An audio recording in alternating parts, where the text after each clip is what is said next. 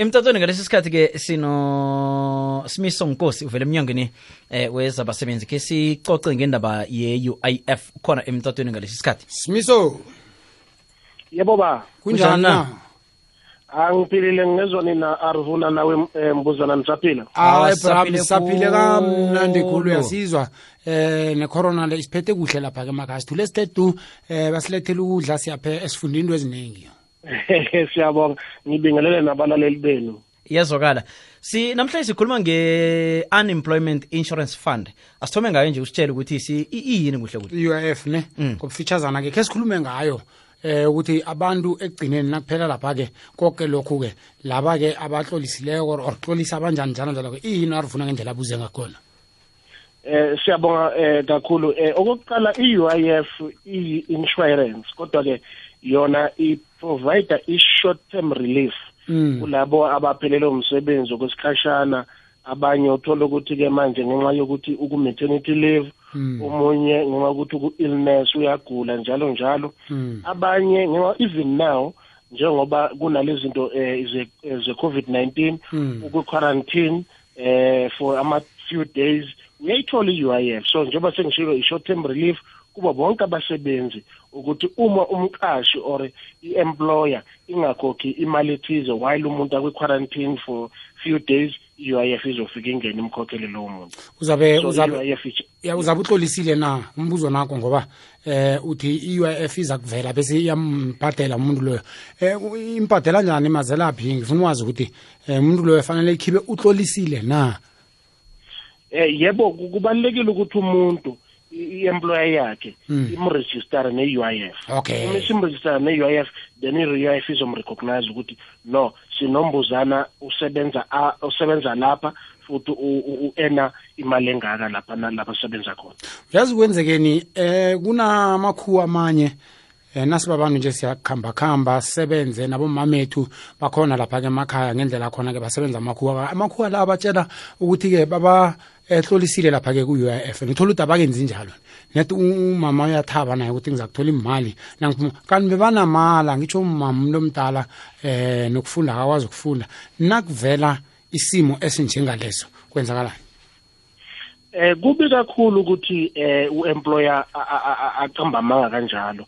Kodwa siyacela ukuthi ke uma kunjalo umama asifonele ngizocela ukunikeza nayo i-toll free number yethu. Eh eh, eh, eh, asho ukuthi nangu eh, eh, u-employer unamanga uthi mina u- ungiregisterile kodwa angiregisteranga angazi noma nginganikeza yini i- i-free toll free number yethu eh, abalaleli abangayifonela kuyona. Ethi ke 0800 030 007 uma kunesimo esinjalo kodwa ke if kuyenzeka athina siphanishi u-employee noma umama ohlele ekhaya ngani ngama-wrong doings ka-employer esikwenzayo uma kwenzeka lokho simane simbhadele umama sithi naye imali yakho ye-UIF bese later sidila no-employer. Kuyazwakala nasele kunjalo-ke lihlelo sivukile breakfast show. Sesikunengi-ke sokukhuluma ngalesi sikhathi ke mayana lapha ngendaba nasi ye-uif sithole nokuthi kuhle kuhle eh kuhambe kanjani-ke kezinye zezinto ezikhona nala kuxoliswa khona nala eh kuthiwa kunabantu ekufuze-ke balethe lokho ebakuletha kwari-ke. Sikhona eh nescript asithumele sona ngalesi sikhathi-ke ngikuphi mhlambe eh ofuna ukukhalima njenge-uif ofuna ukuwutsho ebantwini emakhaya ngaphambi ke singenelele khulu lapha-ke endabeni eh yescript lesesila okay. Siyake siqale lapha kwendaba ye-UIF njengoba si- sikwi-covid-19 lockdown eh, kubaluleke kakhulu ukuthi-ke ngoba sifuna thina ukusiza eh, kuhle kuhle sifuna ukusiza ama-employees ahlele ekhaya. Now i- i-process esiyenzile sithe uba ama- ama-employees maningi ukudlula ama-employees ama-employer kungcono ukuthi kuba ama-employ- ama-employer a- arejistarayo noma a-aplayayo on behalf of ama-employee. So manje okwenzakalayo uthola ama-employer ahleli awa-aplayi so sithi-ke abasitshele abalaleli ukuthi hhayi i-employer yami ayinga-aplayeli ngihlele ekhaya nginamali or number two u-employee yena ngokwakhe angakwazi ukuzi-aplayela ukuthi hhayi u-employer wami akanandaba nami aka-aplayi ithi mina ngimiyeke ngicela ukuzozi-aplayela-ke mina njengo-employee ku-u-i f ukuthi mina ngihlele ekhaya angisebenzi ngenxa ye-lockdown ngicela u-UIF angisize ukuze angizoba nemali yoburotho. So siyacela ama-employees ukuthi angahlali nje kuphela akhalele ukuthi hayi u-employer akangi-aplayeli beze bazozi-aplayela bona. Kuyazwakala-ke nasele kunjalo-ke lihlelo sivukile breakfast show. Namhlanje ari-ke kuningi-ke um sisazokufunda ngalesi sikhathi. Umnyango wokuqatsha nabasebenzi. Uba waboka abaqatsha abaxoliswe ne-unemployment insurance fund. Bona bafake imbawo zokulekelelwa ngemali ku-covid-19 temporary employer slash employer relief scheme. Ihlelo leli lisiza ngokubonelela abasebenzi abadilizwe kwesikhatshana namkha bangakhoniko kwenza inzuzo yokuzondla ngalesi sikhathi sokuqindeliswa kwamakhambo. Abaqatshi bangafaka imbawo ku-uifecc labor gov za forward slash covid-19 namkha badosele uif ku-0800 030 007 umnyango wokuqasha nabasebenzi usebenzela wena kuyazwakala nasele kunjalo-ke. Sihlabela phambili kusivuyile breakfast show. Sikhambisana lapha-ke nesitayeli sethu esikhona la ngalesi sikhathi-ke ovele lapha-ke bakwa-uif eh mhlonishwa mhlonishwa kunenge nikwenzileko bekufike lesikhathi sanje. Namhlanje kuzwakala ukuthi kukhona okhunye ukusuka la enokwenza. Manje eh asibuyele emva kancane ukuthi lapha la nenze khona-ke amajima amaningi nama-stats. Nisebenzisa imali ezingangani ukubhadela abantu abakleyimileko lapha-ke ku-UIF eh lapha sebebonke njengoba sengishilo ke eh kunalabo abafika ba apply as individual nalaba aba applyela my employer eh baba lapha na ku 16 billion.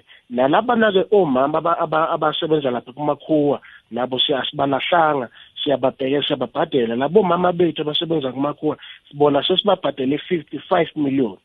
And sisacela ukuthi siyaqhubeka kubo bonke abantu abano abanomama abasebenza kubo ukuthi bababhadele. Nawe mbuzana nawe arvula uma ninabo abamama abasebenza ekhaya abasizayo? Siyacela ukuthi niba-aplayele lapha ku-UIF ngoba sifuna ukuthi basizakale. Babe nokudla babe nesinkwa lapha nendlela bakwazi ukudla.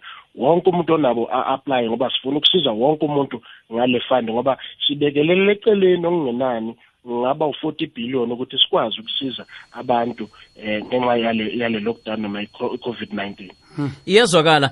Sibona kunendaba nasi ukuthi ke kunamachuguluko ke nje ukuthi umuntu akasa imali akasayithola um mhlambe ke ngokuthi iye kumsebenzi kodwana seyizakhona ukuthi ichinge kuye lapha ke akhe ngithi umcashi um ayisakutholakala kumcashi kodwana iza kuya kumsebenzi.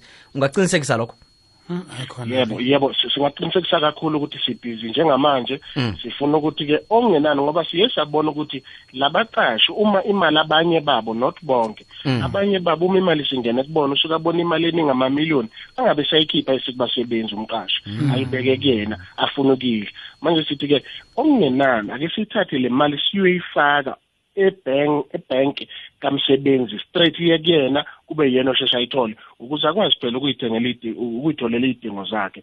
So lokho sisasebhizi ngakho sizonje before iviki liphela bese siya-announce-a ukuthi sizoyenza kanjani. Kuyazwakala nakunjalo-ke sikhambisana lapha-ke nosimiso vela lapha-ke ngaphasi komnyango wezabasebenzi-ke ngokusebenzisana lapha-ke ne-uif ukuthi nawusekhaya nawe-ke ukhona njani ukwenza nomraro la? Umraro wami uthi kuhle kuhle eh babantu abanjani abafaka imbawo ngoba kunabanye esibaziko umuntu wakhona uthi hayi no. Mina bangijikisile batsho bafuna lokhu nalokhu nalokhu babantu abanjani and beza nani nabayokufaka imbawo lapho? Okay okwamanje njengoba sengisho ekuqaleni ukuthi abantu abafaka imbawo abantu kuphela ama-employer abaqashi kuphela for now. And then at a later stage nakhona njengoba sizoyenza sifuna ukuthi-ke eh nabasebenzi nabo bathole. Kodwa nayo leyo izovela kubaqashi. Kodwa-ke uma kunomunye-ke ofuna ukuzenzela yena lapha kuma-labour center wethu kuma-offices wethu awu-126 e-south africa. Sibeka ama-box ngenxa ka-covid-19 asifuna ukuthi kube ne-contact eseduze. Sibeka ama-box outside ama-offices. So you just wena siyibiza i-drop box lapha kwi-dropbox ufike ulahlele nje i-application yakho. Kunabantu-ke phakathi abazobe bebhizi nge-application yakho beyiprocessa babe sebekhuluma nawe-ke nge-s m s futhi no i-application yakho yaphuvile wena kumele u-expect imali yakho nini. Okunye futhi esikwenzile ungangena kuma-website wethu u- u- u- umsebenzi kanjalo noma uyi-employee. And into esiyicelile siye ku-vodacom sathi vodacom sicela ukuthi usisize ukuze abantu abantu noma abasebenzi babengena kuma-website wethu bangakhokhi imali bangafuni idatha. So it is zero rated uma ungena kwi- kwi- kwi- kwi-website yethu uzo-aplya Awu- awukhokhi idatha next it's for free it's zero rated. Oh kutsho ukuthi uyazibhad- na- na ufuna ukuzifakela isibawo ungakhona ukusifaka eh nafaka ekugcineni umqatshi ukuthi kube nguye okhunya ah, azokusiza khona ke abasebenzi ukuthi bafaka amaclaim. Waye waye mqatshi waye mqatshi ubasiza ngani? Yini into oku- okuqakathekile ukuthi ungathatha umqatshi umsebenzise lapho? O- o- okubalulekile komqashi umqashi kubalulekile ukuthi uma eh, angene laphana-ke kwi eh, eh, employ department of labor website. Ma ingena khona izinto ezibalulekile sizosidinga one kumqashi ukuthi a- a- akwazi ukugcwalisa i-agreement yethu esiyibiza ngokuthi i-MOA okwesibili asinikeze information yabasebenzi ngenye ifale esiyibiza ngokuthi CSV kodwa-ke ngaphezu kwalokho azobe ekwenza the most important is that no UIF manje uthola abanye abaqashi they are not registered they were not complying ngaphambilini. Umqashi ufuna ukucomplya manje asithathi leyo kodwa kufanele umqashi abe registered no-UIF abe ne-reference number no-UIF yilo mqashi esimfunayo because lokho kusho ukuthi uyacomplya kodwa kwezinye izimo uyamthola omunye umqashi ukuthi ure ubeka bekabhadela ngale ku- ku-SARS. Siyamthatha naye sithi as long as ububhadela ku-SARS ubhadela imali ye-UIF asikuthathe kodwa the most important thing umqashi kumele abe registered no-UIF iyazwakala eh nokho nase siyivala ke bakhona njani ukuthindana nani? Eh, siyazi nje ukuthi ke amakhamba aqinelisiwe eh siku lockdown kodwa bakhona njani ukuthindana nani? Ngiphi indlela engabalula eh, yokuthi babe nemibuzo namkha ukuthi ke eh, nabanemiraro bakhona ukukhulumisana nani? Okay okokuqala njengoba ngishilo sine toll free number yethu eh sinama call center agent more than 200 lapho. Eh ithi ngiyiphinde 0800 0800 yeah 0800 mm.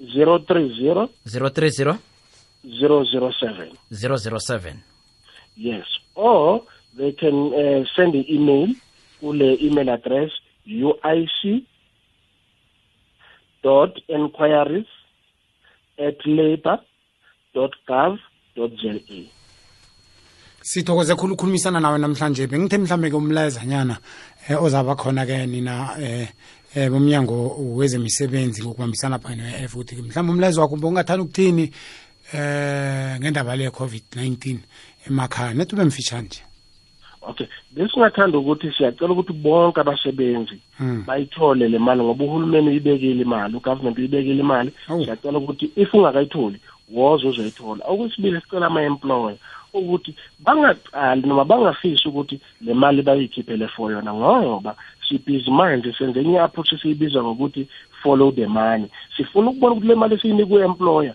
iyahamba nini. If ingahambi le mali esiyinikwe employer kunamanye ama-step esizowathatha ovele ngoba lokho sekuyi-fraud ukuthi sikunika imali kumele kubasebenzi ayifiki kubasebenzi. Siyacela employer nike abasebenzi imali. Izwakele ngithemba ukuthi vele na usatsho njalo nje abasebenzi bazakhona-ke kile nomboro ozitshile ukuthi nabangakatholi litho sebazakhona nokuthi-ke mhlambe bakhulumisane nani ngemiraro njengaleyo sithokoze khulu kwamambala ukukhulumisana nawo siyabonga nathi.